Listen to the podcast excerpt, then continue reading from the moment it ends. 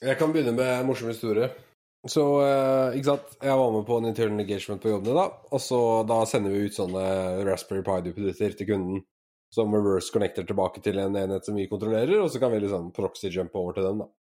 og, så, og så hadde vi eh, fått tilgang til eh, et par bokser på nettverket gjennom RDP, faktisk. Det var, det var jævlig sketchy. Det var sånn logge inn, kicke ut brukeren og åpne opp PowerShell jævlig fort, og så droppe, og så ut igjen, da. Fordi, eh, ja. Det var, noe, det var ikke noe domene. Det er første nettverket jeg har vært på uten domene, liksom. Det var ikke noe av det.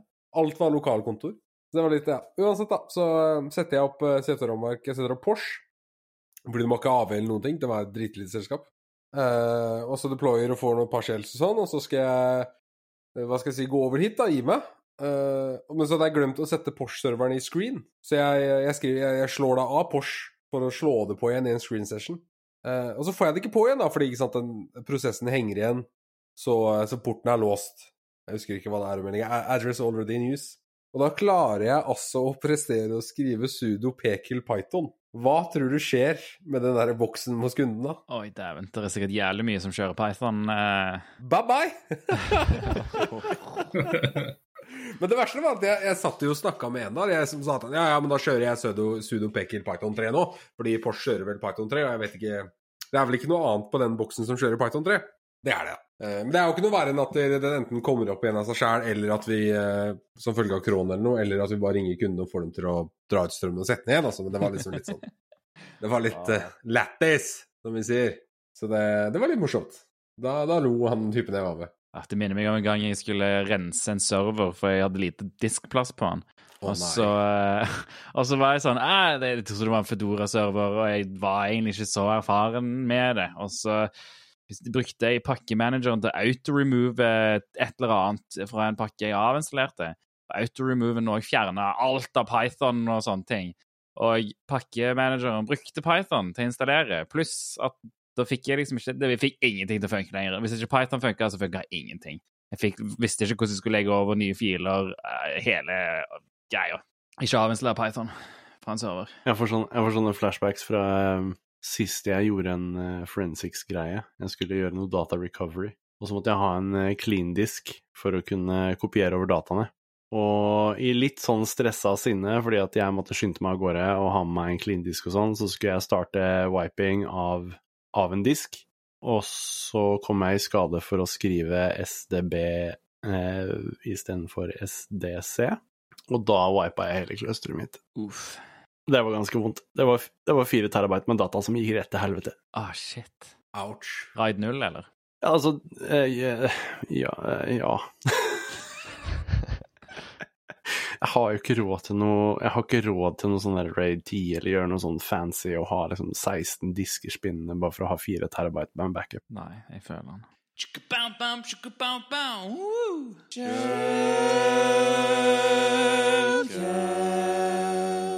Nydelig. Så hei og velkommen til denne episoden av Shellcast. Dette er episode 0x14, eller 21. episode.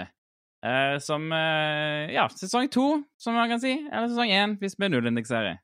Jeg heter Vetle. Jeg jobber som pentester. Du finner meg på Twitter som at bordplate. Ja, og jeg heter René, og du finner meg på Twitter som at particle void. Jeg heter Henrik og jobber som pentester og cybersecurity-student. Uh, og du finner meg på Twitter som at existence. Jeg heter Ruben, jeg jobber som sikkerhetsanalytiker i privat sektor. Du finner meg på Twitter som at jernslett. Jeg heter Melvin, jobber som penetrasjonstester. Du finner meg som Flangvik på Twitter. Eller under. Rett. Alright. Nei, men jeg tenkte vi skulle begynne med et uh, lytterspørsmål. For vi har fått inn et spørsmål om, uh, om uh, hvilke passordmanagere vi bruker, og hvorfor. Så det syns jeg kan være interessant. Hva Så vidt jeg, så vidt jeg Dette har vi diskutert litt på discorden vår, så, og det virker som vi bruker ganske mye forskjellige passordmanagere. Nei, eh, jeg bruker egentlig en kombinasjon.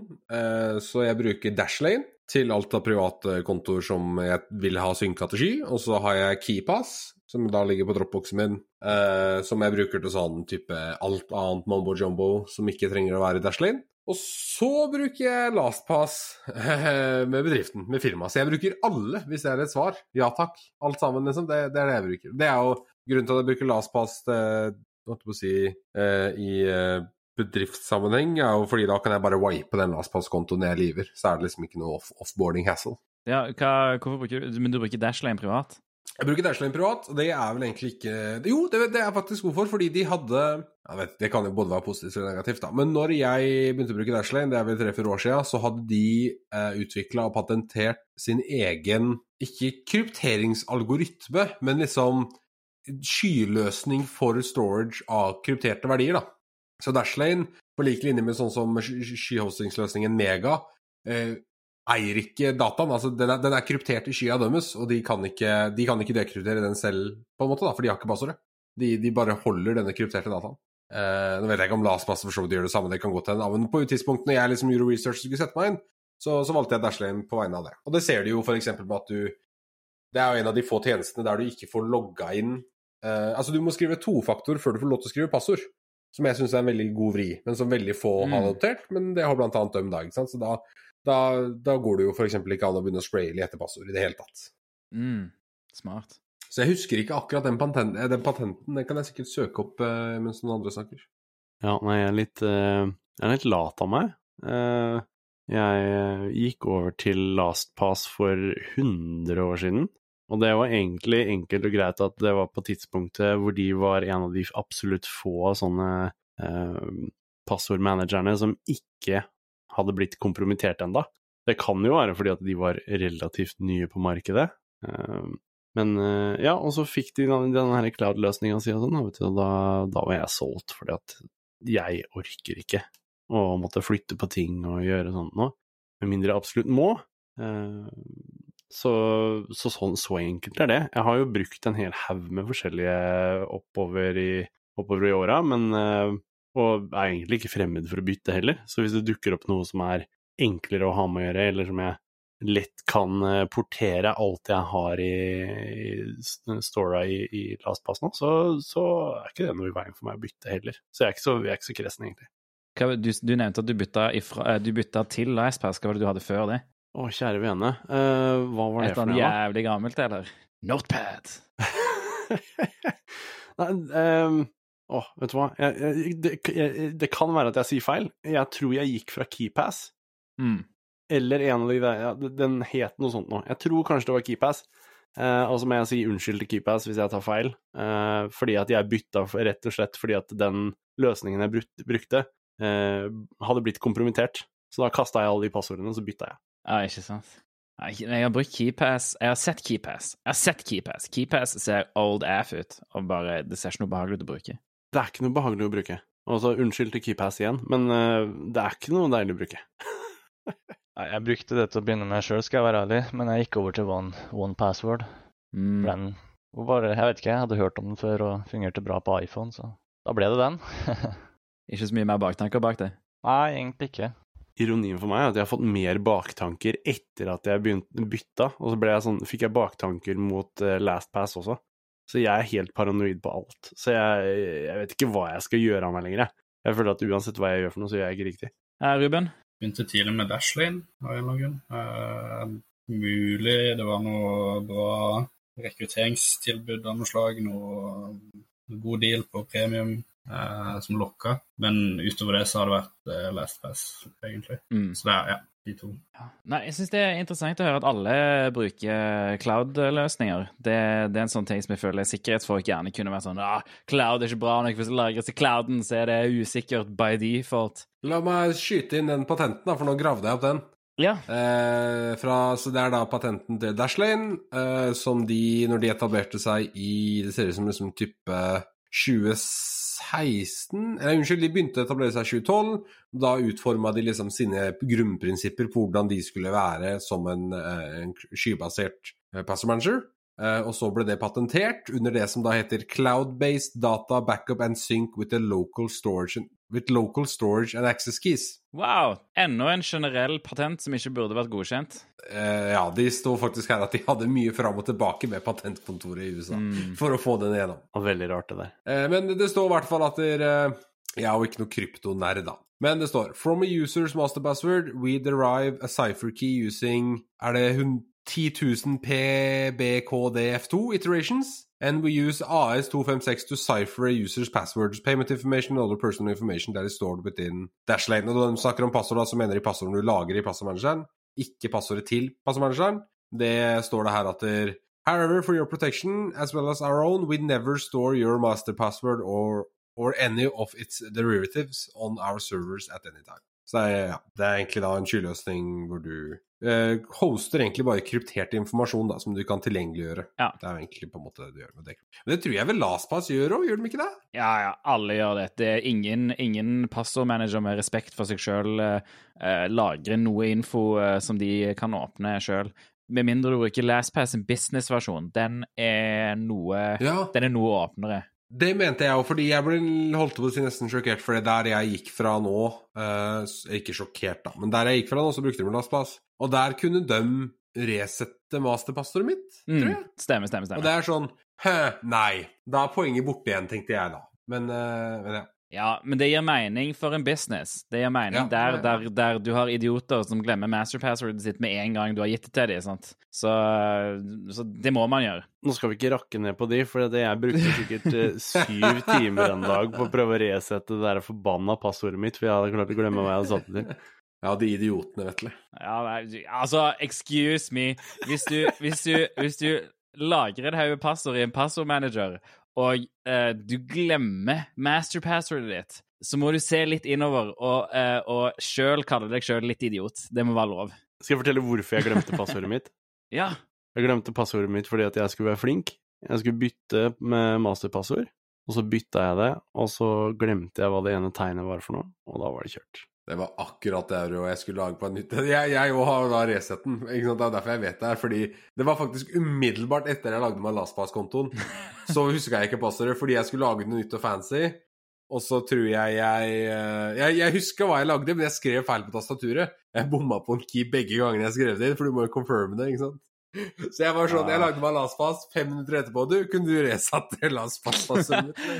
Ah. Jeg, jeg dreit meg ut fordi Ja. at jeg brukte et tegn som jeg normalt ikke pleier å, å putte inn i passordet, så for jeg tenkte det at nå er det på tide at jeg introduserer litt nye ting i, i passordet mitt, og det var en jævlig dårlig idé. Det vi prøver å si, er at forandring er noe dritt, og det må man ikke by seg ut på. Ja, nei, det, det er vanskelig, men uh, ja. Jeg bruker OnePassword, uh, for jeg er Apple-cuck, som alle allerede vet. Og OnePassword er definitivt den uh, passordmanageren som funker best eh, på tvers av Apple-enheter. Så Det er hovedsakelig grunnen til at jeg bruker det sjøl. men der, der, når du skal logge inn, så har du det som er Du har en sånn master eh, Du har en slags key, en sånn secret key du har. Så du har liksom brukernavnet ditt som en e-post, og så har du en key som, som one password date, og så har du selvfølgelig master password date, som du bruker til å bekrefte at, du, eh, at det er din vault. Så det har egentlig funka veldig greit. Um, ja. Nei, det er det jeg bruker. Ja, jeg har kjøpt meg noen uh, bøker, da. Ja, jo, jo, jeg vil gjerne Ok, hei, velkommen til bokklubben. Jeg vil gjerne anbefale to bøker. Og det er da uh, Red Team Development and Operations av uh, Joe West og James Tuberville, som er sikkert nå butcha som F. Det er en, eh, en praktisk eh, guide til eh, red teaming, egentlig da som en lederrolle, men du lærer jo egentlig alle aspektene av det da. Så kanskje du faktisk kan vite uh, hva det er for noe, ikke bare tro at det er det eneste sikkerhetsselskapet i hele Norge tilbyr red teaming, for det gjør de ikke. Uh, og så har du en annen bok for tekniske, holdt jeg på å si. Uh, Operatørhåndboken, eller Operator Handbook, av Netbooks, som er helt rå. Altså, den har jo faktisk alt. Liksom alt fra registerverdier som, ident, ident, altså, som indikerer hvilket program det er, og hvor du kan finne interessante ting for det installerte programmet, ned til kommandoer, ned til liksom Du har absolutt alt jeg ser for meg at du kan komme over eh, som en operator, da, eller som en implant eh. Så det er ganske tøft. De bøkene der er sabla gode. Det er riktige bøker. Jeg, jeg har begge to selv og kan varmt anbefale dem. Det er, eh, det er veldig, veldig nyttig informasjon. Jeg har vært glad i denne operatørhåndboka. Overraska meg litt. Jeg har hørt veldig mye godord fra en del andre Shellys her, men eh, når jeg begynte å bla inn, så ble jeg jo litt overraska over hvor bra den faktisk var.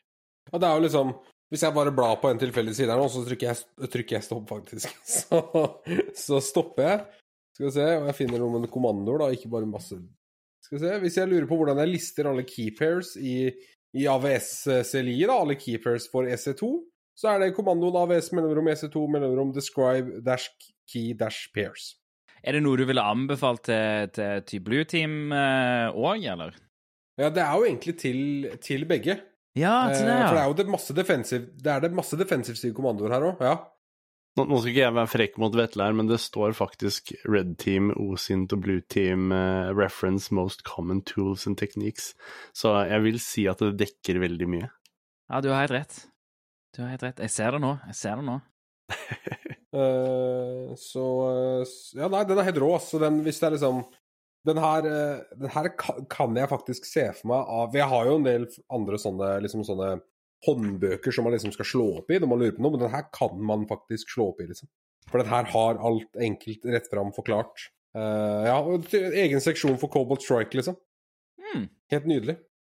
Jeg vil vel også si Jeg, jeg må trekke fram den eh, Red Team-guideboka også. Den eh, Etter å ha lest gjennom den boka, så må jeg si det at jeg har fått et litt nytt sånn eh, inntrykk av hva Red Team er for noe, kontra hva vi ofte blir forespeila at Red Team skal være.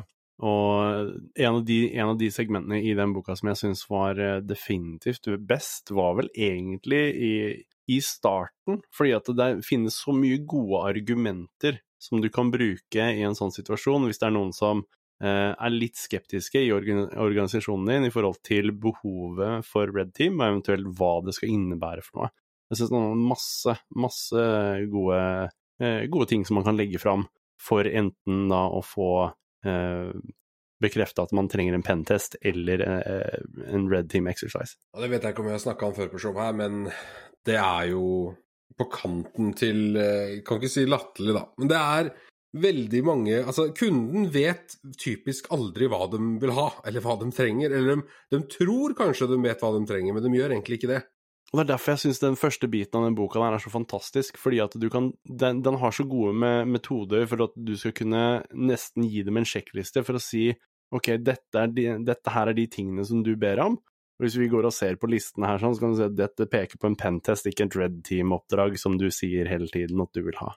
Det her er jo en sånn bok du typ kan, jeg vet ikke om du kan anbefale den for kunden, da, men en, en SISO hadde kanskje hatt verdi av å lese deler av boka her. For det er liksom Det er så mange selskaper der ute som sier at de, ja, nå skal vi kjøre en Red Team Engagement på dere, uh, og så koster den 15 000, og så er det egentlig bare snakk om en automatisert Nessus-scan. Og kunden vet ikke forskjellen, ikke sant? Jeg anbefaler den her eh, til alle som sitter i noen form for lederposisjoner, eller i, i et team som jobber enten med eh, Blue Team eller, eh, eller Purple eller Red Team-situasjoner, for å få en dypere forståelse i forhold til hvordan de skal kommunisere ting til kunden, hvordan man skal kunne formidle diverse behov eller taktikker etc. Eh, for, for ledelse. Dette er definitivt litt mer sånn ledelsetype type bok, men det er utrolig mye god kunnskap, mye liksom fallgruver og sånn, som blir beskrevet inni her. Men jeg tror alle som jobber med, med sikkerhet på et eller annet nivå, har veldig mye nytte av. Den er i hvert fall eh, Den er helt rå, så den, eh, den kan anbefales. Uh, ja. Ja. Nice, OK. Men uh, du, Henrik, du snakka om uh, noen ruter-greier du hadde hacka og lagd en exploit for? Ja, det stemmer. Ehm, hele det greiene starta Vi hadde jo tilbake på skolen, vi hadde en eksamen i et fag som het uh, Wireless Devices, et eller annet i den duren der. Ehm, og i den forbindelse med den eksamen så skulle jeg teste et eller annet på ruteren. Og da, det, det jeg fant ut at jeg har jo ikke tilgang til å teste det jeg ville teste. Så da måtte jeg jo Da måtte jeg hacke ruteren òg. Ja, det er sånn det er. Så nei, det som jeg egentlig fant ut av, var jo Begynte å titte litt rundt på ruteren, eh, begynte å søke litt rundt og se om det var noe mulig å få tak i dette admin-passordet òg, da. Det var det jo ikke. Eh, så begynte jeg å titte litt rundt og fant egentlig ut at den ruteren kan jo sette opp Samba shares. Eh, og der kan du i den Der hvor du konfigurerer, så kunne du da injecte new lines. Så du kunne egentlig bare overskrive hele den samba.conf-fila og bare gi deg sjøl full root eh, access da, til filsystemet. Så det var ganske, ganske stilig. Så ja, jeg fikk uh, released den første exploiten min på ExploitDB her uh, noen dager siden. Det er jo eh, helt rått, da. Gratulerer. Det er jo uh, kudos og berømmelse og ære for å få navnet sitt på Exploit TV. Det er jo det. for det. Vet du om du får noe CVE for det, eller er det noe, liksom, er det noe chain for det, eller? Jeg er litt usikker på hvordan det der fungerer. Jeg har egentlig ikke søkt om det. Det som jeg fant ut uh, når jeg drev med det greiene her, var jo egentlig at uh, det selskapet her sånn, som har bygd det, altså Inteno, er det vel det heter, de har egentlig allerede patcha det for lenge siden, og jeg fant den. Ah, ok. Så det var en patch ute, det var vel tilbake i 2019. Eh, skal sies at det her Det er mange norske ruter ennå som kjører med, med denne firmeren enda, som er sårbar. Men jeg tenkte på, er det Var det silent patch, eller ble det utgitt noe CVE da? Det er vel bare, Ingen en CVE. patch? Ja, silent patch, ingen CV på den. Det var entetisert, det var ikke uentetisert. Ja, entetisert, ja. Du måtte ha lokal. Men det som jeg kan legge til der, da, det jeg fant ut i ettertid, var jo For jeg begynte å titte litt rundt på ruteren når jeg først hadde tilgang. Jeg titta litt i loggfiler og litt sånn, og da så jeg det at hver natt så var det jo noen som logga inn på den. Eh, altså da en ISPS her, da, som logga inn på den hver natt. Eh, så jeg laga en egen versjon av den eh, SSH-serveren og logga passordet, og det Ja, så det er vel det passordet virker på alle de, de ruterne som er ute i dag, da. Så Det, det, er default passord. det er default passord fra En bakdør, altså. Det er en bakdør inn. Ja. Å oh, ja. Jeg tror Ja. ikke det er sånn veldig nytt, egentlig. De har jo bare tenkt liksom ah, Vi lager en ruter, og det her er liksom passordet, default-passordet til brukeren. Men det er jo en bakdør. Er jo per def en bakdør. Du sender ikke ut ting til folk der du har root-tilgang uten at de har root-tilgang. Det er en bakdør. I Men dette er fortsatt bak uh, Alt det her er fortsatt bak natt, ikke sant? Regner jeg med? Uh, ja, altså, de har jo SSH ut mot nettet, men de har jo i brannmuren da whitelista sine egne IP-er, da. Å ja, ok. Er det sant? Det er helt sant. Men når jeg søkte litt på Google, så er jo, ser jeg jo det at det her har vært et sånt problem i all tid, da, hvor det root-passordet egentlig har vært sånn delvis kjent. De har rullert det noen ganger, virker det som. Det er jo ganske hardcore, da, å legge ned bakdør og i tillegg by default whiteliste IP-en til orgen din inntil til lurer rutere. Hm, jeg lurer på hva som skjer hvis vi bytter IP-space noen gang. Hm, det er liksom Altså, den, den historien her uh, syns jeg egentlig bare høres ut som en litt sånn oppgradert versjon av noe som jeg opplevde når jeg var student. Uh, jeg gjorde noe tilsvarende som, uh, som Henrik snakker om her. Uh, på min ruter, da skal jeg ikke, altså ikke jeg oute noe, noe firma, for det blir så dårlig stemning og sånt nå. Nei, fuck de. Hvis de er shit, så fortjener de å bli outa. Kan vi ikke bare si det sånn at de leverer både kabel-TV og internett i én, kan vi ikke si det sånn? Så er det opp til lytterne å gjette seg fram til hvem det var. Eh, de leverte en, eh, en ruter, dette her var tilbake i 2007, når jeg studerte IT-sikkerhet, og hadde vel begynt å utvikle litt sånn ekstra lange fingre for alt som var av digitalt utstyr.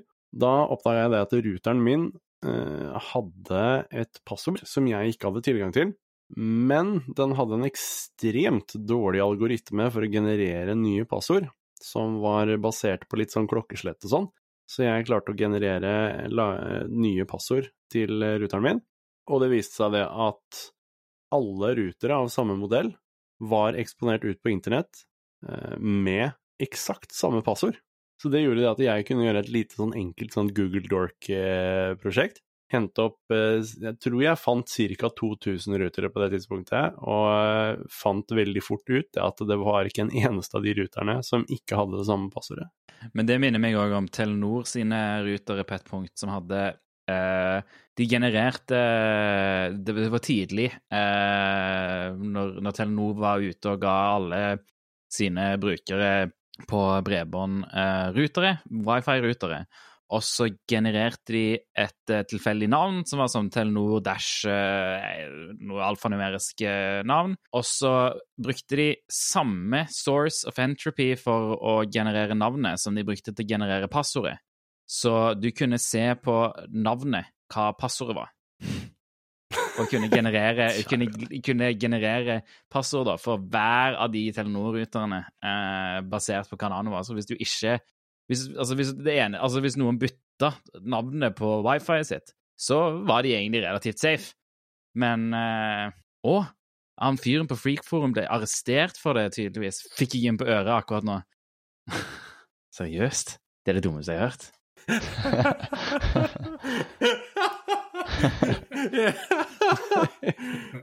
Og han Wardriver, ja. Ikke sant? Jeg liker liksom at vi har liksom et støtteapparat på siden her som realtime fact-sjekker alt vi sier og tilfører informasjon. Og. Så det er liksom ikke sånn Vi, men vi, kunne, ja, nei, vi vet alt til enhver tid. Dere.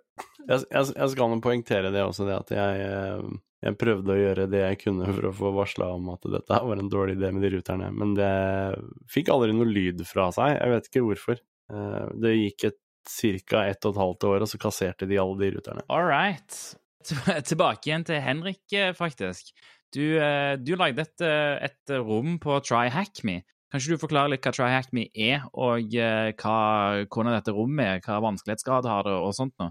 Ja, uh, TryHackMe er jo en plattform à la Hack the Box, som er ment for uh, hva kaller man det, cybersecurity education. Eh, det har en drøss med challenges. eh, alt mulig fra Windows til Linux, Peer-based web exploitation osv. osv. Um, så angående egentlig bachelorprosjekt, faktisk, så lagde jeg et rom som jeg fikk released i går kveld. eh, som handler om hovedsakelig sequel injection. Da. Det er jo ikke en sånn type CTF challenge-rom. Det er jo mer eh, educational eh, write-up-rom, hvis jeg kan kalle det det. Litt mer sånn tut tutorial, egentlig. Og den dekker litt sånn diverse ifra Ja, du har f.eks. sequel map tamper script, som blir dekt i, i, i, på rommet. Eh, alt fra blind injection til union-based. eh, veldig fokus på second order injections. Ting som egentlig føler har vært mangel på andre typer lignende challenges. Så, så ja, det er det egentlig. Jeg fikk en public i går og veldig mye gode tilbakemeldinger hittil, i hvert fall. Så, så det er kult. Nice. Ja, nei, det er gøy. Hvordan var prosessen med å lage det, egentlig? Um, Og få det, og å få det publisert? Og hva, og hva heter det? Rommet heter jo Sequel Injection Lab, enkelt og greit. Uh, og prosessen med det var jo og, ja, Som sagt så var det en bachelor, hele det bachelorløpet, da, med prosjekt og kodeutvikling osv. osv. Men selve delen på TryHackMe er du oppretter et privat rom. Eh, og der kan du egentlig gjøre hva du vil. Legge inn whatever content du vil. Hvilken VMs du vil, whatever. Så kan du dele det da med venner og familie og dem du måtte ønske. Men da for å få dette public, eh, så må det gjennom en slags review-prosess. Eh, så da må liksom de som jobber da, for jobber for TryHackMe, går gjennom det, og så har de en del sånn egne testere som ja, kjører gjennom rommet og ser hva de mener, da, om det er godt nok for plattformen, om det er noen spesielle bugs eh, osv. Ja, nice. Nice. Det er gøy, det. Det er skikkelig, det er ordentlig gøy. Men du, eh, for du har drevet med mye CTF-er og sånt før? Det stemmer. Eh, alt mulig rart. Spesielt Hack the Box, kanskje. Ja, det er, det, det er der jeg tror de fleste av oss eh, i Shell eh, har vært eh, mest, egentlig. Hvis jeg eh, ikke snakker for mye for alle nå. Ja, jeg skal promotere litt for, eh, for Henrik her også, for jeg var jo faktisk inne i, eh, i det rommet her før det ble public. Eh, og kikket litt, og jeg syns det, det var veldig kult å se eh, arbeidet han har lagt ned i forhold til dette her med å faktisk introdusere brukeren til hva SQL injections er for noe, og hvordan de fungerer. Så hvis det er noen av lytterne våre der ute som er, eh, er litt eh, nye på akkurat det feltet, så vil jeg anbefale dere virkelig å ta en kikk inn på det rommet, for da vil dere definitivt få med dere noe som dere kanskje ikke visste fra tidligere. Hmm. Jeg må også bare si at jeg syns det er vanvittig tøft eh, å bidra på den måten. Og det er jo litt gutsy, da, for sånn som du sier Tenk om alt, eller kanskje har tenkt, da, tenk om alt kollapser etter første fem minuttene, alle syns det suger, eh, sånn type ting, da. Så nei, jeg syns det er tøft gjort. Det syns jeg er, eh, ja, er tøft gjort. Og så lærer du jo det det lærte, eller det, hva skal jeg si, det merka du kanskje selv, at man lærer jo utrolig mye om temaet når man er i den prosessen av å sette opp en sånn type kall det lab eller gig da, for noen andre. For da må du virkelig forstå det, hvis du skal klare å sette opp en tjeneste som skal være vulnerable på noen sider, men ikke på alle, f.eks. Så jeg syns det er rått, rått gjort. Ja, nei, jeg skulle bare si det at eh, det, det jeg opplever eh, at har skjedd her, var egentlig bare eh, re, rett og slett eh, hackerkultur på sitt beste. Jeg mener det at hackerkultur er definitivt dette her med gleden av å finne, ti- finne ut av ting, lære ting, og, og sende det videre. til tross for at det er litt mye sånn eh, Hva skal vi kalle det for noe? Eh, stigmatisering rundt dette er at alle vil holde på zero daysene sine og sånn, så, så, opplever jeg i hvert fall oftest at eh, de som sitter rundt og hacker på ting, og lager ting og tester ting og sånt nå, er også de som er flinkest til å dele ting eh, der hvor det virkelig gjelder. Så dette her syns jeg er kjempekult, for jeg er absolutt all for å, å dele informasjonen til de som, eh, de som, er interessert i å ta den imot. Ja, jeg er helt enig. Det har vært en veldig interessant prosess. og føler jeg har jo bygd det her på Python, Python eh, Flask-frameworket. Så man lærer jo helt klart veldig mye om forskjellige teknologier da, man bygger det. Så, um, og jeg var veldig stressa i går når rommet ble released, det må jeg helt ærlig innrømme. Åssen har oppslutninga vært? Har du, er det noe du har vist til eh, til medstudenter og sånt nå? Har det vært noe oppslutning rundt det? Mm, ikke riktig ennå. Vi skal ha litt sånn uh, hva heter det, presentasjoner og litt sånn diverse vise fram prosjektene, så det kommer. Men jeg har ikke, ikke, ikke enda. Blir du nervøs hvis jeg spør deg om du er nervøs for feedbacken? Ja, jeg må jo si det, da. Nei, men altså helt ærlig, hittil så har det vært veldig positiv feedback. Og jeg var litt sånn nervøs med tanke på liksom, SQL rejection, såpass gammel vulnerability. Uh, fins allerede en del på det, typ, liksom. Så, men feedback har vært sinnssykt bra, i hvert fall fra TryHackMe-siden. Alle har en unik måte og, og noe unikt å komme med. Og, og, for, uh, og, for, mange så kan man lese om sequel injection om og om og om, om, om igjen. Og så klikker det på en måte ikke før noen som tenker helt likt som de uh, kommer med samme material, altså kommer ut med noe sånn som dette, da. Så dere er, alltid nytte i det, og, og dere er, uansett noen som har nytte for dette, uansett hvor, uh, hvordan du tenker over det. Men du har fått 77 upwards da allerede, på boksen. Ja, det stemmer. Eller på rommet, som de kaller det her. Så det ser jo egentlig veldig lovende ut. Ja, det, når jeg titter inn her, så er det jo 818 brukere inne på rommet akkurat Eller som har ja, vært inne, innom rommet, da. Det er ganske kult. Det er veldig kult. Så det, det er fornøyd med det. 30 stykk som har fullført. Syns det er råbra, og det er, det er gutsy. Jeg vet jo Jeg vet ikke hvor lang den prosessen er på, eh, på, på, på, på Try Hack Me, men på Hack the Box så er det jo ikke bare bare å submitte en, en, eh, en VM, liksom. Du snakka om Flask, var det egentlig bare Python-script du submitta, da? Jeg detter litt ut der, jeg beklager. Uh, nei, altså, jeg lasta opp et, uh, en VM-fil. Uh, Docker Image, liksom, eller VMware? Nei, altså VM, VMware som jeg lasta opp som har liksom hele serveren Men ja, jeg brukte Python og, og Flask sånn hovedsakelig. Uh, men du laster jo opp da hele VM-en. Men det er mye enklere på TryHackMe enn det er på Hack the Box. Uh, og skulle jeg lage noe til Hack the Box, så måtte jeg jo på en måte tatt en helt annen stil på det her. Føler jeg. De har jo litt sånn forskjellig, litt forskjellige fokusområder, kanskje. Eller måter å gjøre ting på. Jeg tror kanskje det er vanskeligere å, å drite seg ut, på en måte, fordi Eller lettere, da. Det har vært en del hack the box-bokser der det har vært uh, unintended paths som bare lar deg skippe hele greiene. Uh, og det, det har de blitt strengere på. Jeg husker spesielt Nå bytter vi litt tema, men jeg husker spesielt uh, Rør nesten et år siden. Så kom det til en boks som het Multimaster, og så var det en unintended path som lot deg skippe sånn tre steps. Uh, og da uh, fiksa hack the box den metoden når folk var midt i boksen, og folk måtte begynne på scratch igjen og fikk ikke submitta flags. Det var, ja litt controversy rundt det, da. Men det er helt annen, helt annen eh, stopp. Jeg tenker at Det kan jo være andre som sitter og hører på at vi snakker om dette her nå, som kanskje er interessert i å gjøre noe lignende som det Henrik har gjort. Eh, er det noen opplevelser eller noen ting som, som du tok, tok, med deg ut fra den erfaringa her, som du ville anbefale, eller som du har lyst til å dele med noen andre som har lyst til å, å gjøre noe lignende? da? Er det noe du har lært her som du føler var en viktig, viktig lærdom å ta med seg? Det var et godt spørsmål. Um, tja uh, Jeg tenker det går mye på måten man presenterer innholdet på, da. Uh, det er vel det jeg har lært mye av. Jeg har jobba godt over det contentet som Altså materialet der så mange ganger nå.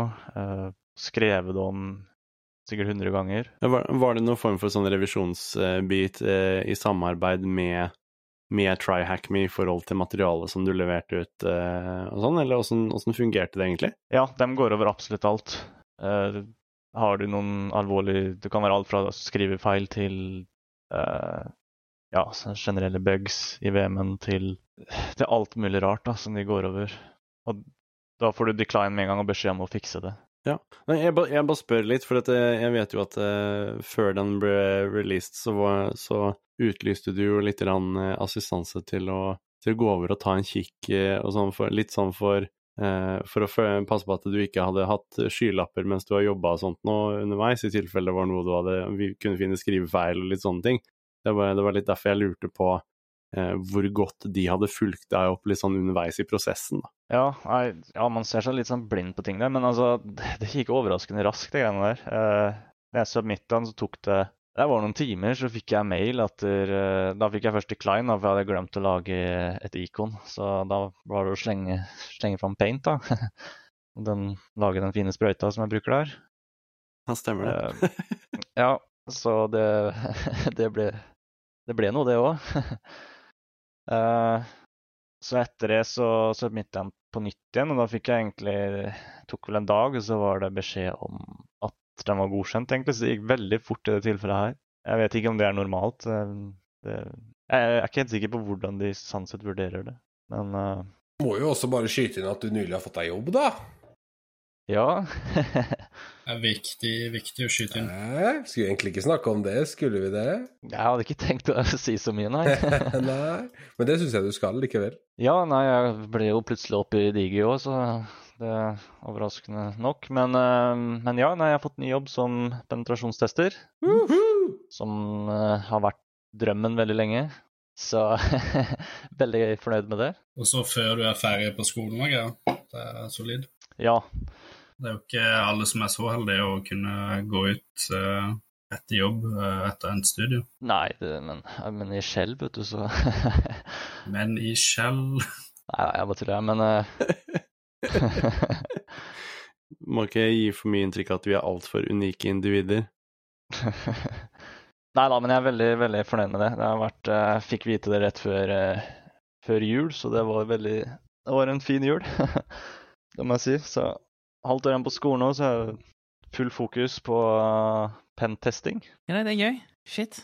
Det er alltid gøy når eh, folk eh, får lov til å gjøre det de har lyst til å gjøre.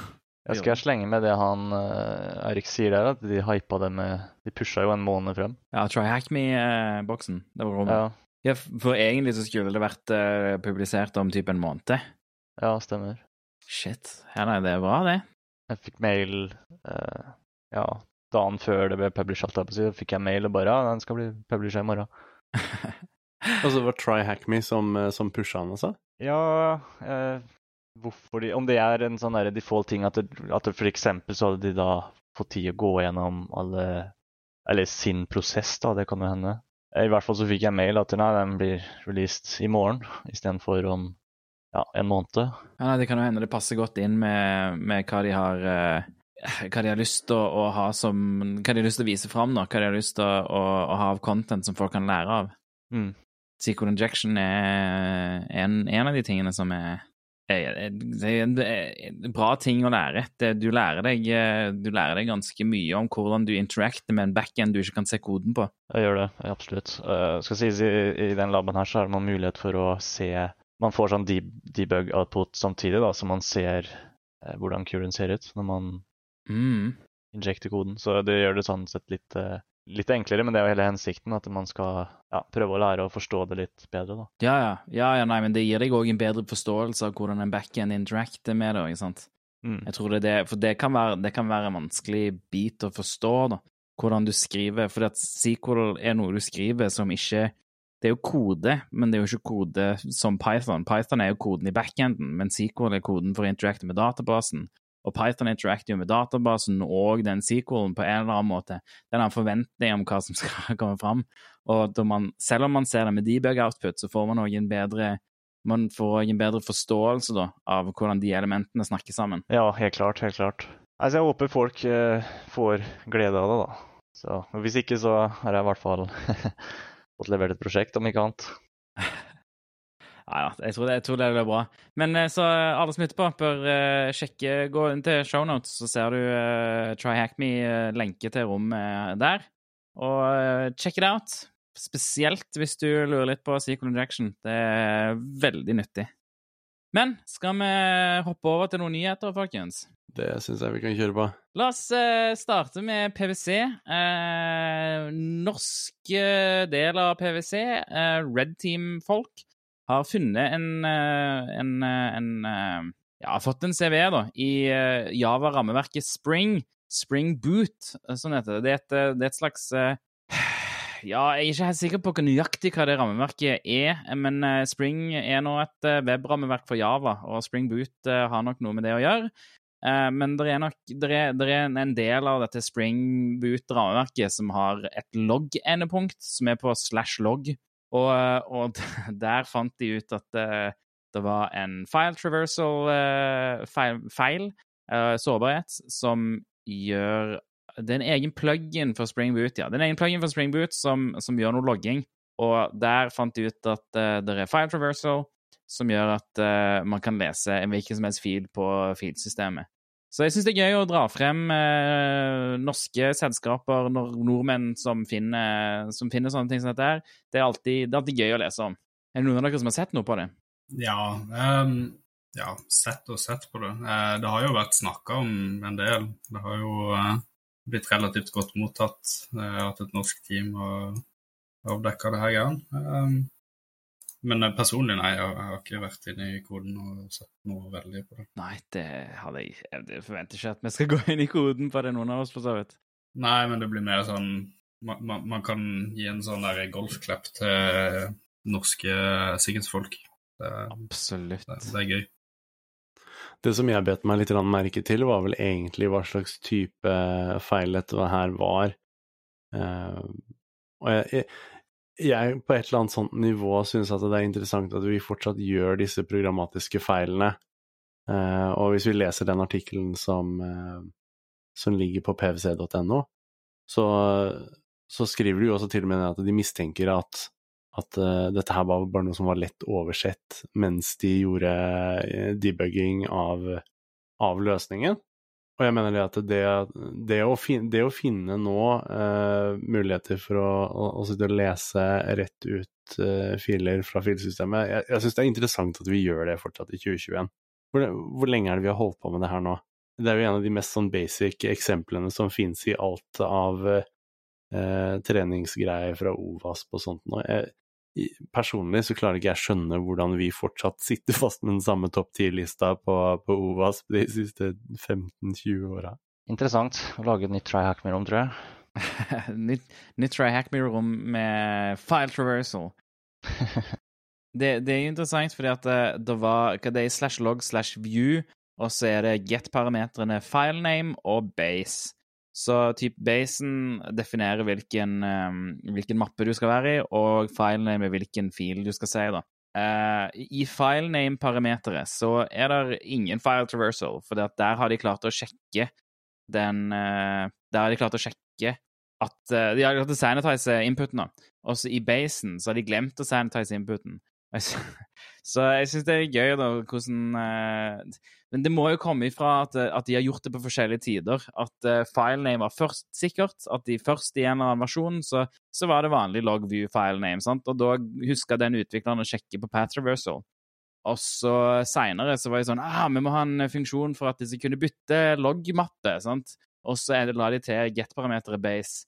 Og så glemte de der å gjøre ordentlig sanitizing. Det, det, det er det jeg ville gjette på, da. Det er sånn jeg ville gjette på at hendelsesforløpet var her. For det, er typisk sånn du, du, husker det først, og så når du skal legge på ekstra funksjoner, så, så glemmer du å ta for gitt på en måte at, at ting bare at ting er sikkert, da.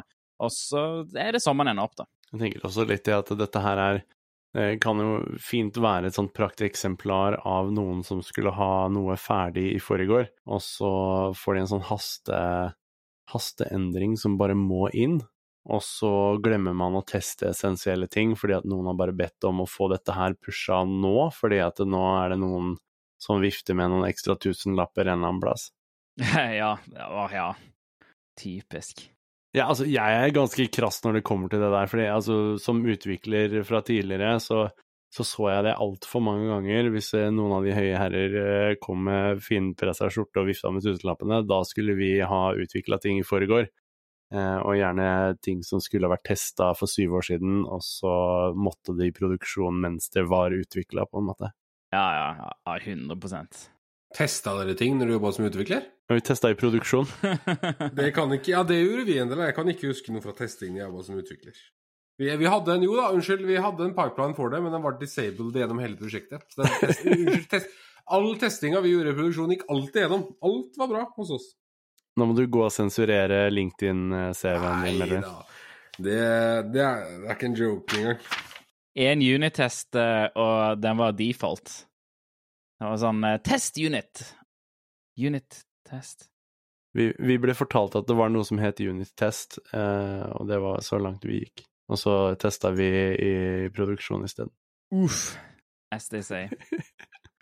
Men det, noe av det jeg syns er gøy da, med PwC sin artikkel, er det bildet de har.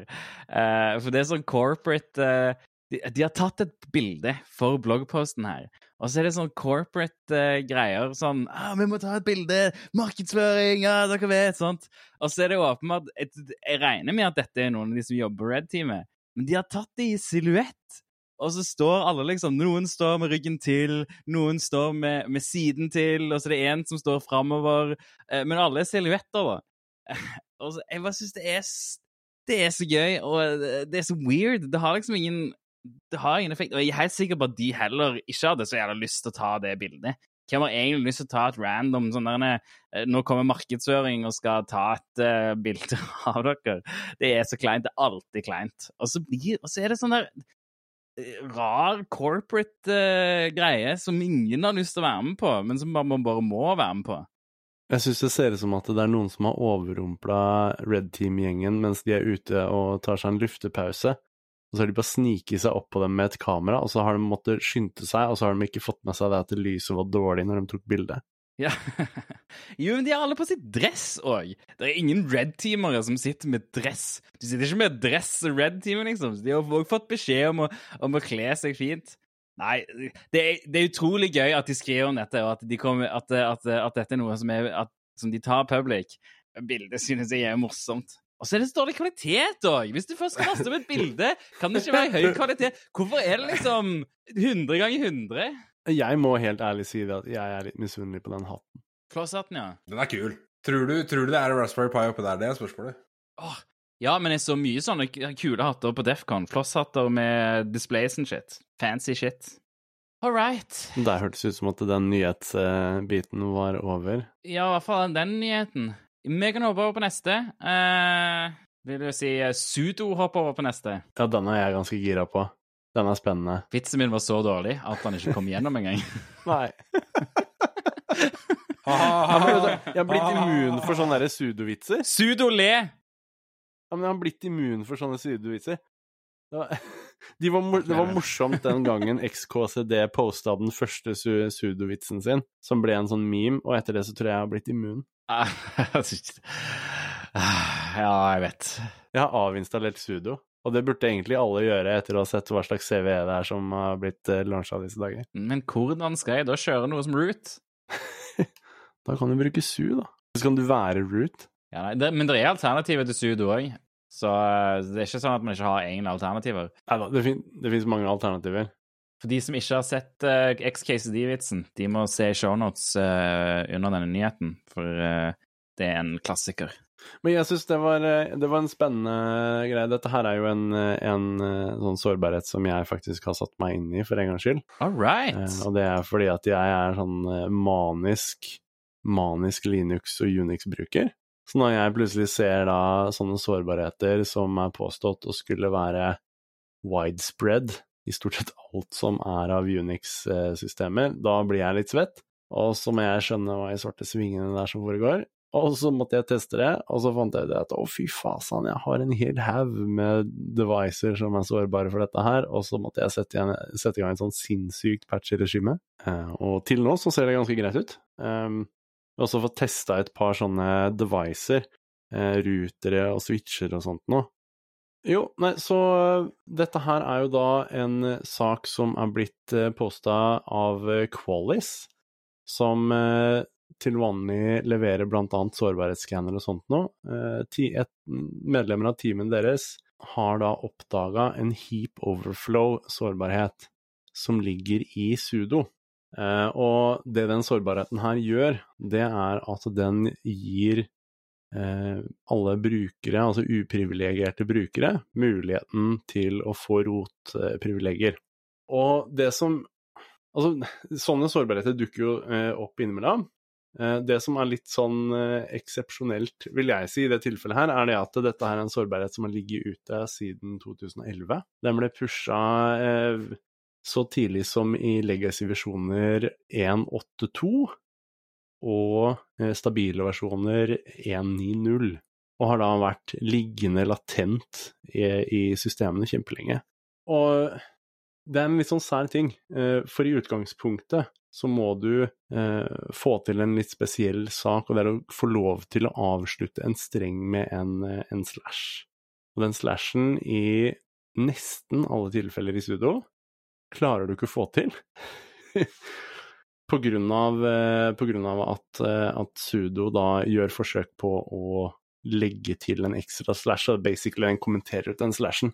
Men én plass inne i sudo så oppdaga da Qualis-teamet at eh, de klarte å utnytte den sårbarheten, og det er en del av sudo som heter sudo edit, og der fant de ut det at uh, hvis du passer en slash til opsjonen som de har S. Det finnes et par andre sånne tilfeller som er godt beskrevet i den eh, bloggartikkelen her.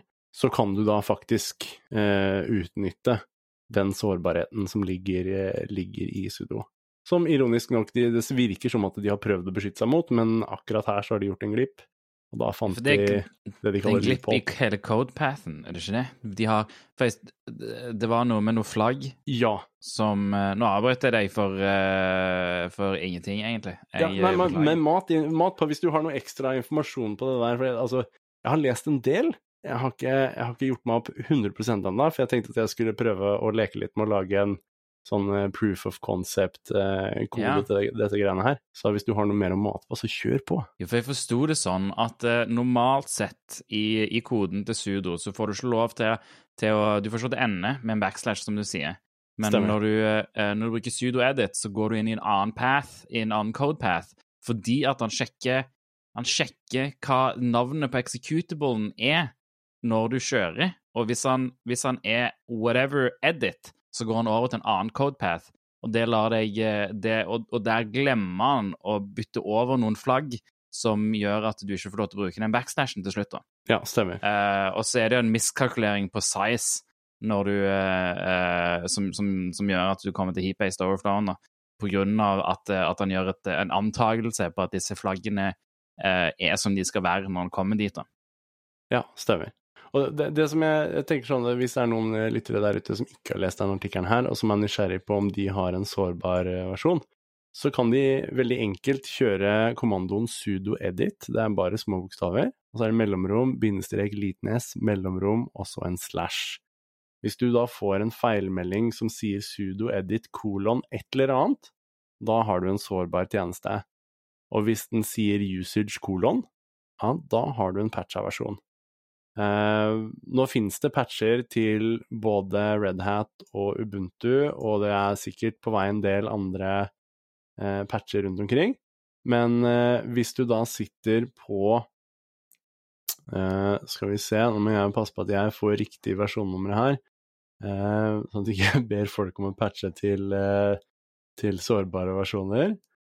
da er det 1831 er det og er det 1831P2 er den siste sårbare versjonen av legacy-versjonene. Og så har du 195P1, som er den siste sårbare, stabile versjonen. Så for, jeg husker ikke helt hva den neste nummeret etter 31P2 er for noe. Om det er noen av dere som husker det, så vil dere gjerne si fra til meg nå. Men 195P2 er da per definisjon uh, trygg for dette her. Og dette gjelder jo da alt som er av Fedora, Debian og Ubuntu og Unix, gud vet hva. Uh, vi har til og med testa det på noen sånne uh, andre bokser som jeg har stående her, litt sånn rutere, som kjører litt Linux-distribusjoner og Unix-distribusjoner, og en del av de er faktisk sårbare for dette her. Jeg må jo bare si at jeg er litt snylta, fordi jeg tok jo OCP-eksamen uh, for et par dager siden. og jeg måtte da finne masse privesks, så jeg er egentlig litt forbanna, var ikke Så uh, Du er, litt, du er litt snurt for at ikke du fikk den zero den her før eller, fikk ja, den sårbarheten altså, jeg, jeg kunne jo i- gi slutta med eh, VCP tidligere, liksom. Men, uh, men nei da. Nei da. ja, du, du mener at du hadde da rota alle Linux-boksene på den måten her? Nei. Det er en liten vei til målet, da. Ja, for hvis du lager hele Ropchain for dette sjøl, så tror jeg Da tror jeg det går greit. Hvis, det hadde, hvis dette hadde vært en public exploit, så tror jeg uh, off offensive security hadde vært sånn eh, Nei takk. Men uh, du, her må du lage en hel egen Ropchain for dette. Så Da tar jeg altså retract that statement, for jeg sitter liksom sånn halvveis inne i kundenettverket her, så jeg hørte bare Major Zero Exploit. Tar det tilbake, hadde aldri klart å utnytte det på OCV uansett. Men det besto, som det er greit. Altså, altså nå skal det sies det at uh, Qualis påstår at det finnes proof of concept Eller var det Qualis? Det er noen som har skrevet en artikkel rundt den bloggposten her, i hvert fall, som påstår det at det finnes proof of concept-kode der ute. Jeg har ikke funnet den ennå, men det er noen som påstår at den eksisterer. Uh, så, så det er jo ikke umulig, selv om de per nå sier at eh, at de ikke de ser noe særlig sånn vill spredning av angrep eh, som bruker den eh, CV-en her, så betyr det jo ikke det at vi ikke kan plutselig begynne å se noe av dette her nå. Men jeg vet ikke, er det noen av dere som har noen tanker rundt anbefalinger til de som skal beskytte ting her, da? Ja, nei, jeg, jeg skulle bare si hvis, hvis noen allerede hvis, hvis noen har en angre, angriper som kan utnytte denne sårbarheten, så har de allerede et problem, for da har man allerede angriperen på serverne sine. Med mindre du, eh, med mindre du har liksom brukere innad i selskapet som ønsker å bruke eh, vulnerability til å eh, priveske seg sjøl. Men da er det et problem med den ansatte. En del av de tingene som jeg ser også som en sånn, uh, som en sånn potensiell fare her, er jo også det at vi har jo en bunch med webserver og sånt, med alle mulige rare sårbarheter. Og hvem er det ikke som har funnet en million Wordpress-sårbarheter opp igjennom åra? Uh, og, og gjerne som gir deg brukertilgang med en sånn derre VV Apache-bruker eller noe sånt noe teit. Og hvis du da i kombinasjon har noen sånne sårbarheter og er, har en sårbar sudoversjon på serveren din, ja, da har du jo problemer, da. Ja, ja, absolutt. Og det, det er jo litt det som er skummelt, for det, det kan jo også ramme eh, embedded devices. Det kan være CCTV, det kan være rutere, det kan være hva som helst. Altså, det her kan være en man, altså Jeg skal ikke si det 100 sikkert, sikkert, men hvis det er noen som er smart nok, så kan jo dette her være en ny eh, oppdatering til eh, Mirai, og så har vi plutselig utnytta og fått rot på alt mulig rart pga. det. Ikke det at embedded devices som regel pleier å ha så mange brukere, da. Og så vil jeg også si at hvis, hvis noen tenker at det å fjerne sudo-edit er en god mitigation på dette, så stemmer ikke det. Du, eh, for det første så er det andre muligheter for å, for å komme inn på codepathen, og for det andre så kan du symlinke til sudo og, eh, og bare kalle om whatever the fuck edit, og du vil fortsatt komme inn på den eh, codepathen der. Ja, nei, det finnes definitivt eh, flere måter å utnytte det på. Um, så jeg, jeg kjenner at jeg liksom blir litt sånn uh, agitated, eller hva skal jeg si, jeg blir liksom sånn uh, gira da, når vi sitter og snakker om dette her. jeg vet ikke hvorfor. Jeg, jeg, jeg er notorisk Linux-bruker og har vært det i mange, mange år. Og hver gang man finner sånne nye sånne sårbarheter, så blir jeg liksom gira, for jeg lurer alltid på hva som er den neste store sårbarheten.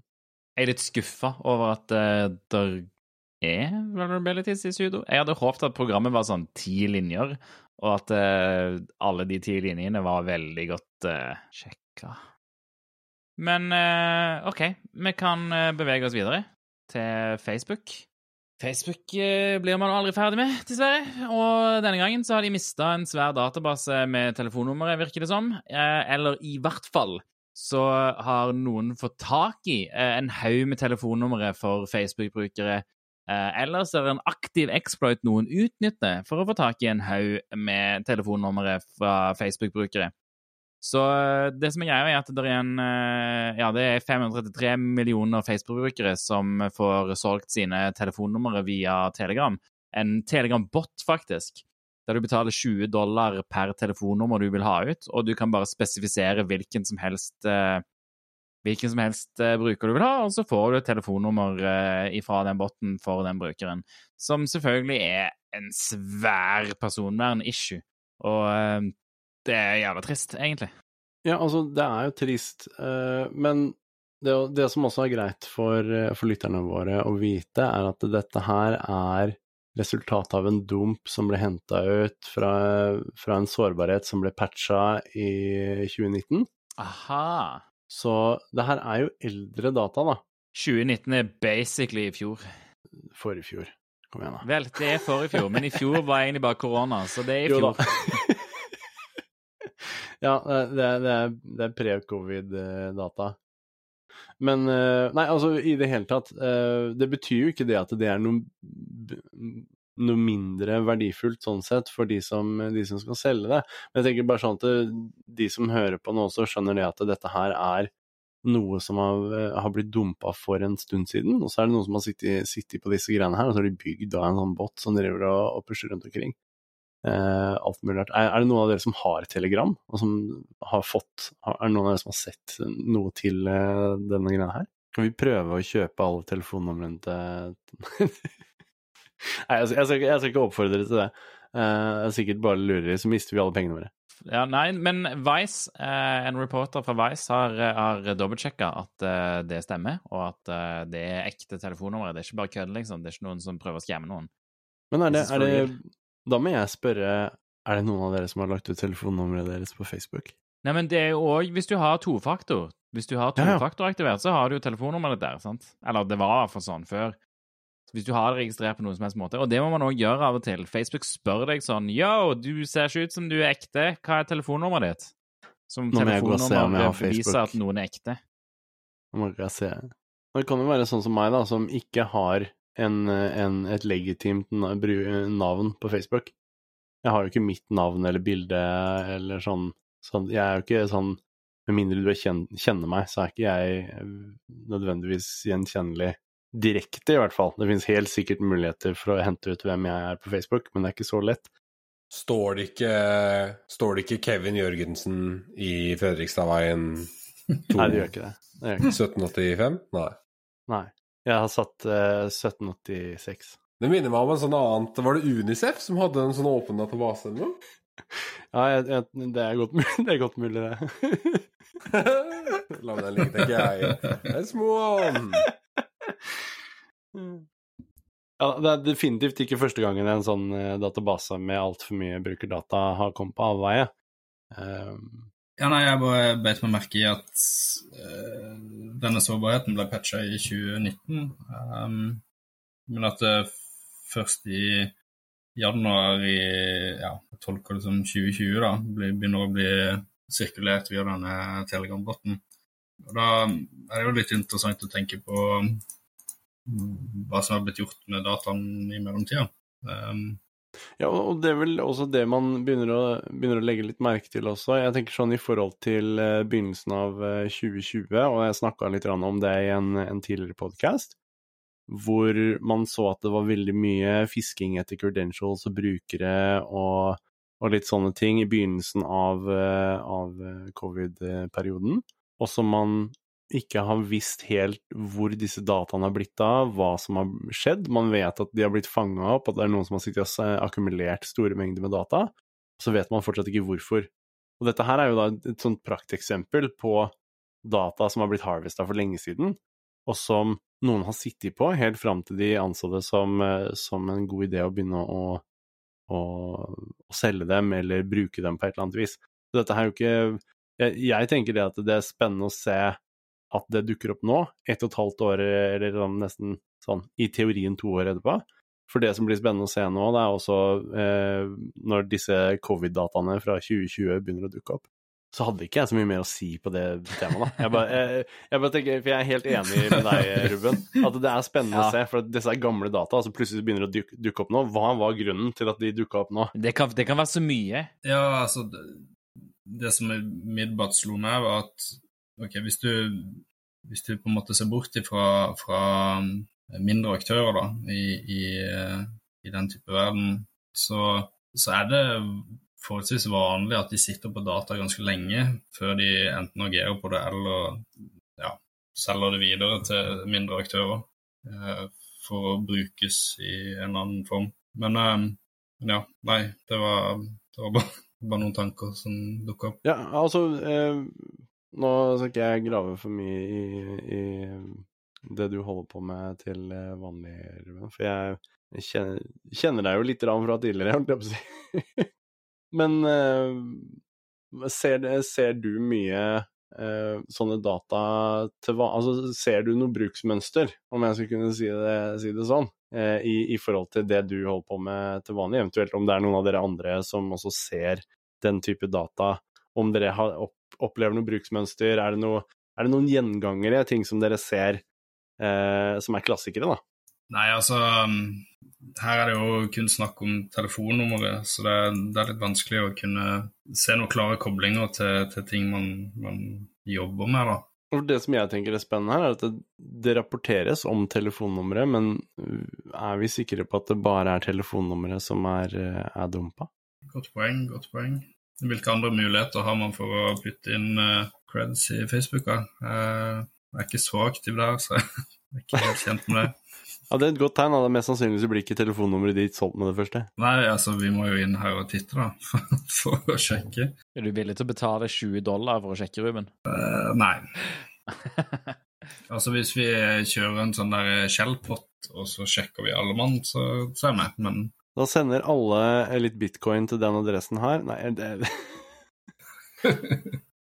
hvis, dere, hvis dere som hører på, sender bitcoin til denne adressen her, så skal vi sjekke for dere, så slipper dere å ta kontakt med en shady person. Perfekt. Har vi nettopp starta et nytt sånn derre Chelsea, sånn shady broker-univers? Sheldy. Shady cast. Oh shit, vi er så sheldy. det var en sheldy idé, altså. Ja, jeg angrer allerede. Og det her kommer du til å få høre lenge, lenge, lenge, lenge. All right. Men uh, ja. Nei, jeg, jeg, tenker vi kan gå videre til, til neste sak. Og denne, denne er interessant. Ja, Nord-Korea har da benytta sosiale medier uh, for å pose som en security researcher. Uh, og kontakte andre security researchers på Det virka hovedsakelig ut som Twitter. Var det ikke det? Jo, Twitter, altså det var andre, enn Twitter, og så virka det som at der, eh, de ville bevege seg over til Telegram. Eh. Ja. Telegram. Ja. Primært via Twitter først, og så uh, bevegde det seg vel til Telegram og diverse, tror jeg. Og det som var uh, litt interessant med det her, at det var jo ikke bare snakk om social engineering og liksom laste ned filmen og sjøen, men de ble jo beita inn i faktiske O-days, liksom. Altså mm. type eh, Jeg tror jeg forsto det som at det var snakk om noe Chrome. Det var visst eldre. Eh, men det var hovedsakelig en sånn eh, Var det, var det med Hyper-V Escape? Og det? Kernel-greie? Kan noen noe mer enn det enn meg, kanskje? Det var vel snakk om at Brave-browser også um... Det var Browser Zero Day. Ja. Chrome og Brave, tror jeg jeg mente jeg leste. Så Brave Browser. Ja. Altså, en av de tingene som jeg syntes var funny, da, var jo også det at de hadde noen fake eh, greier her som ble busta på, på i YouTube-kommentarer. Hvor de da hadde posta en, en påstått eh, exploit in action, og så uh, hadde blitt, rett og slett blitt avslørt. Uh, så fjerna de innholdet, og så hadde de posta det igjen, var det på Twitter eller noe sånt, hvor de sa at nei, dette, dette, er, dette, er, ekte. Dette er ekte. og på den måten også hadde de også klart å da fiske inn en hel drøss med researchere. altså, det, jeg kan ikke si det at ikke det var en, det er en god, god idé. Eh, hvorfor ikke ta de som vet hva de holder på med, og stjele alt det de holder på med, sånn at du har litt ekstra i, i ryggsekken? Det var i hvert fall flere fra, fra både MDSEC i England eh, Jeg har lyst til å si Black Hills Information Security. Jeg vet at det gikk ut en internmelding i TrustedSec om liksom, at hvis det er noen som blir kontakta her, liksom uh, Holdt på å si uh, snakk med oss, eller ja, do something. Uh, så det var vel generelt flere sånne store research brands. Så var det en, da har memes har gått på Twitter at jeg er ikke stor nok til å bli kontakta, liksom. Jeg er ikke stor nok til å bli taget av disse ATP-ene. Så det har vært mye trolling. Det er flere jeg vet ikke om det har vært journalister eller andre som har liksom skrevet til dem etterpå og liksom faktisk kommunisert med dem. da om det her, og fått litt sånne halv, halv, svar tilbake og sånn? De holdt på litt etter òg denne saken kom ut. Denne Shangao-kontoen eh, holdt på bitte litt etterpå og snakka med en eller annen dude der han var sånn eh, Hei, eh, jobber du for eh, Jobber du for Nord-Korea? Og han bare Og duden bare sånn Nei hvorfor skal vi gjøre det? Og så, og så spurte han om det var bra betalt, og han bare Og han nordkoreanske duden bare mm, Betalt? Nei, jobber ikke for Nord-Korea. Fire turnips. Ah, folk, ass. Nei, men det, men det er noe Det er interessant å, å, å note at de brukte en Chrome Zero Day eh, på, på å prøve å targete noen. Det du, du har en Zero Day å brenne hvis du eh, hvis du targeter security researchere med en Chrome Zero Day, og om, om det var fordi at de hadde masse ekstra, og de har dødsmange av de til å brenne, eller om det var fordi at de allerede visste at han var brent, typ at de har sett i en Chrome commit og tenkte at han var brent, det er vanskelig å vite, da. Eh, det virker jo ikke Jeg må si Nord-Korea sin, eh, sin APT-gruppe her setter seg ikke et veldig godt lys der det ser ut som de er kjempeflinke, når, eh, når dette er måten de driver på. Men, eh, men det er ballsy. Det er ballsy, og det, det kunne ha gitt de ekstra zero days. Og det har kanskje gitt de ekstra zero days òg. Det vet vi på en måte ikke helt. Ja, det funka jo, sant? Men altså, jeg, jeg tenker også det at det, det, det angrepet her beviser jo egentlig det vi har snakka om så mange ganger og så lenge. Eh, og det er rett og slett eh, menneskelige, menneskelige feil og svakheter og sosial manipulasjon, eh, social engineering, kall det hva du vil.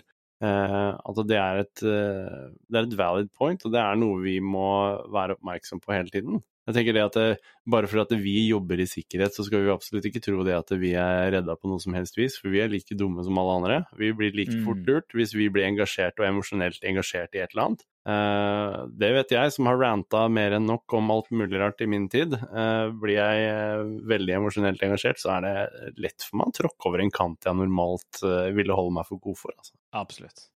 Absolutt. Men det er ingen som Ingen er sikre mot sin egen naivitet eller uh, idioti. Man blir idiot av mye forskjellig. Og, og her var det ofte, ofte ønske om å, om å hjelpe. Så at disse, denne gruppen kom og liksom sa til folk ah, du, 'Jeg har en exploit eh, som jeg, eh, som jeg jeg lurer på hvordan eh, jeg skal få til å funke ordentlig.' Det funker sånn ish, men kunne du sett på det for meg? Og så, var det security research sånn Ja, selvfølgelig. Og de har jo bare lyst til å hjelpe. Det er jo dødsbra, sant? Og så eh, Og så var dette et Visual Studio-prosjekt som de kasta inn i Mange av de kasta inn i VM, da. Eh, så det er jo positivt. Men, men, eh, eh, men så i det Visual Studio-prosjektet så så var det noe ekstra kommandoer som, som ble kjørt når du bilda det, eller når du kjørte det prosjektet, som det er, da.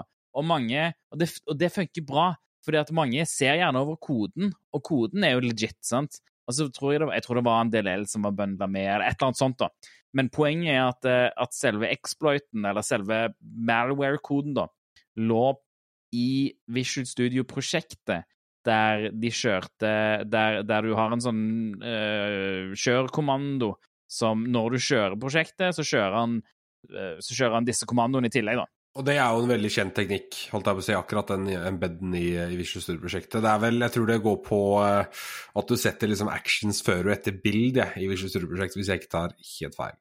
Uh, jobs, ja.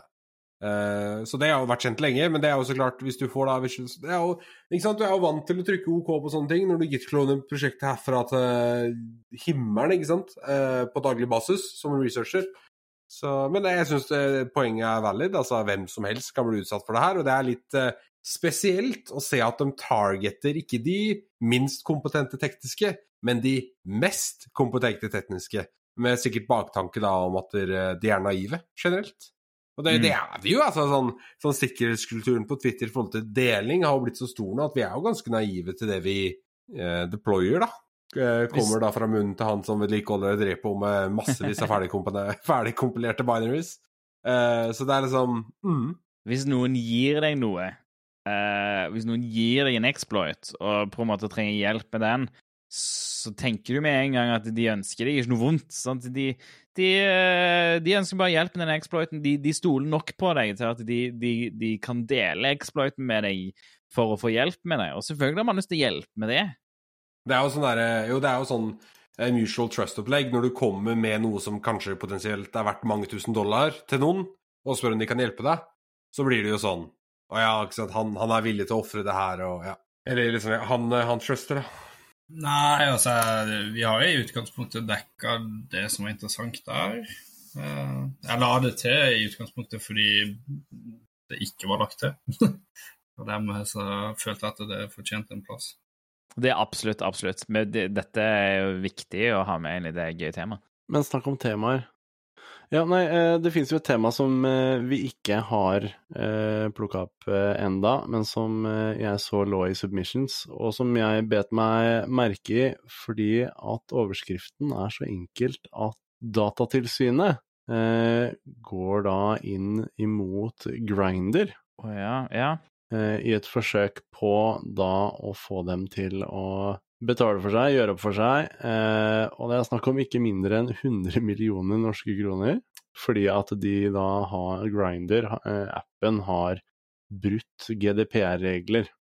Og det det handler om her, da, er at Grinder har tilsynelatende solgt eh, brukerinformasjon eh, og GPS-lokasjoner, ikke minst, eh, på Grinder-brukere til tredjeparter. Og så har de ikke spurt om tillatelse til det, de har bare gjort.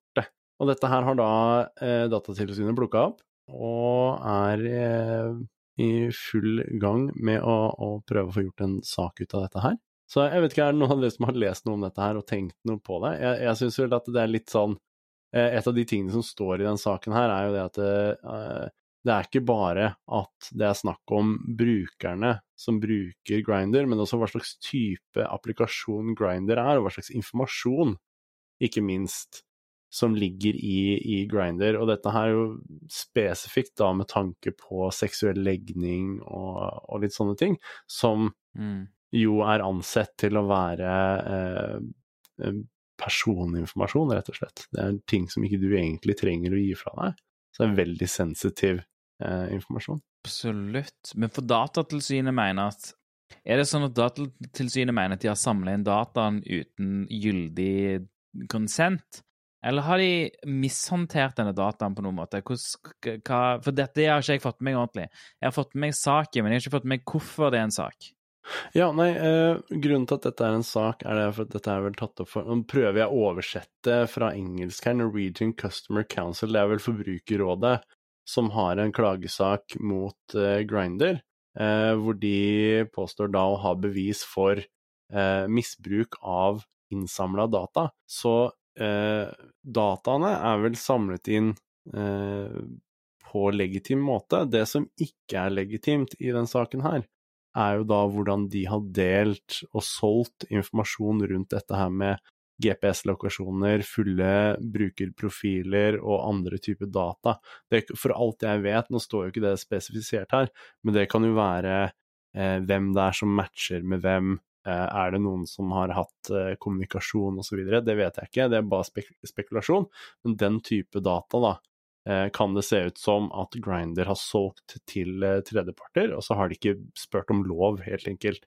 Og under GDPR så er det veldig fy-fy å drive og dele ut personinformasjon på den måten her uten å be om lov. Ja, ikke sant? Fordi ja, de har solgt denne dataen ja, uten å spørre om lov. Ja, jeg, jeg, jeg syns at det var litt kos, da, for at det, jeg, jeg liker å se når eh, Datatilsynet går inn, og så prøver de å hjelpe til med å bevare eh, personlige verdier. Jeg er en veldig sterk tilhenger av dette her med, med muligheten til å være privat. Mm. Og jeg mener at du skal ikke trenge å, å ha noen ting å skjule, bare for at du skal, ønske, eh, skal ha et ønske å ha en rett til å beholde privatlivet ditt. Om du ønsker å blotte privatlivet ditt på sosiale medier, da har du i minste gjort det valget, men du skal ikke føle at det, det er et krav på å gi bort eh, det som er privat hos deg. Og da tenker jeg det at eh, jeg liker å se da at de faktisk står opp for de som, eh, de som blir utsatt for dette her, og prøver å få noen form for rettferdighet i det. Jeg syns ikke det er noe rettferdig uansett at eh, dataen er på avveie. Eh, litt vanskelig å gjøre noe med det eh, når det allerede har skjedd. Ja, nei, det, og, de, og de fortjener jo absolutt en bot for dette. Men jeg synes dette er en god trend at eh, norske, at norske eh, statlige etater, man kan kalle det det, er det ikke det?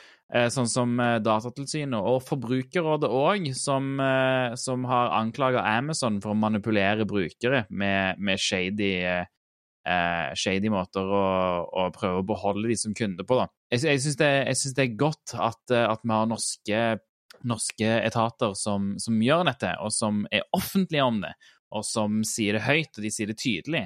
Så dette syns jeg, jeg, er skikkelig skikkelig bra. At, uh, at, de tar tak i dette. At Datatilsynet er ute. Selv om vi bare er fem millioner innbyggere, så, så, så tar vi tak i GDPR. Vi er seriøse om det. Vi viser at du får ikke lov til å ha Hvis du, hvis du vil ha norske brukere, så må du faen meg følge GDPR, liksom. Det er ikke noe kødd. Vi kødder ikke med GDPR. Ja, dette er jo definitivt noe som er pågående. Det er ikke noe som er avgjort ennå.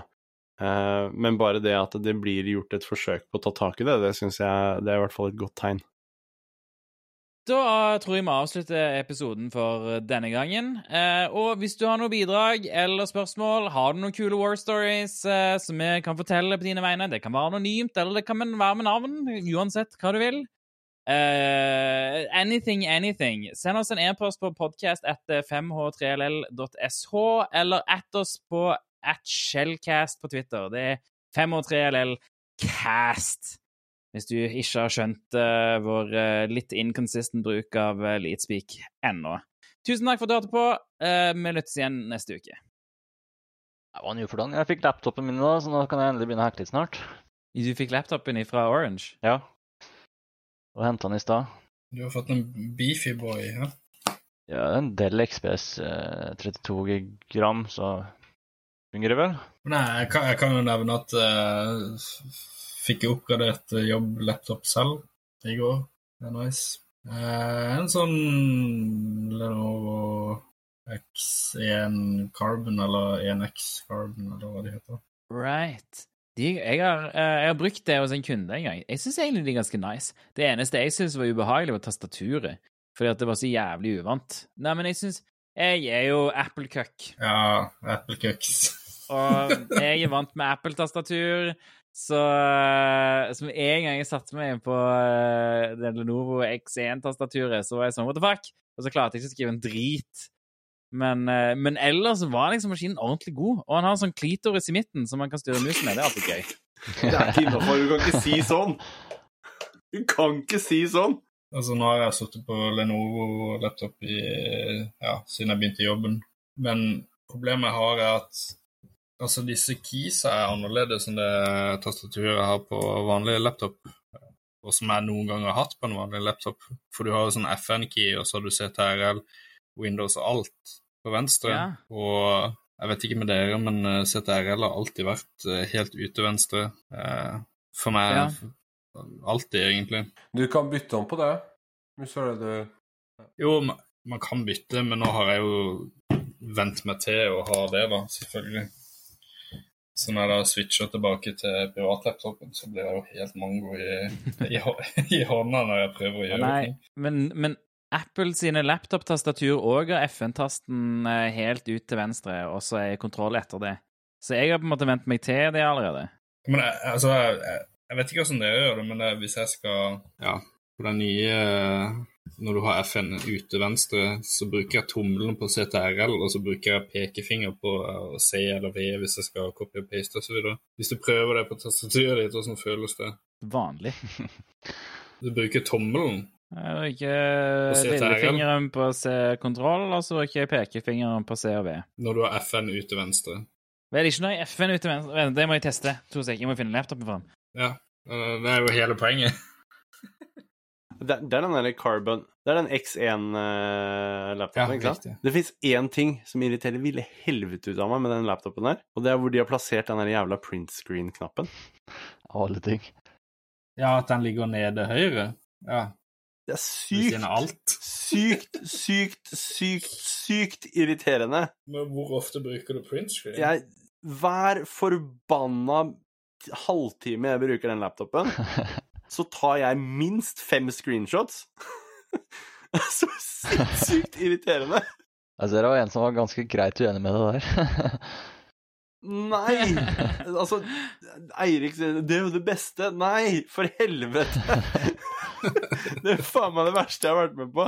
En pentesters drøm. En, en psykopats drøm. En psykopats drøm, for helvete. Hvem er det som putter en printscreen-knapp rett ved siden av en jævla eh, left eh, piltast, eller hva faen det er for noe? Ah, Jesus Christ. Det ser ut som at jeg og Eirik kommer til å ha en battle på et eller annet tidspunkt, for dette her er ikke akseptabelt, Eirik.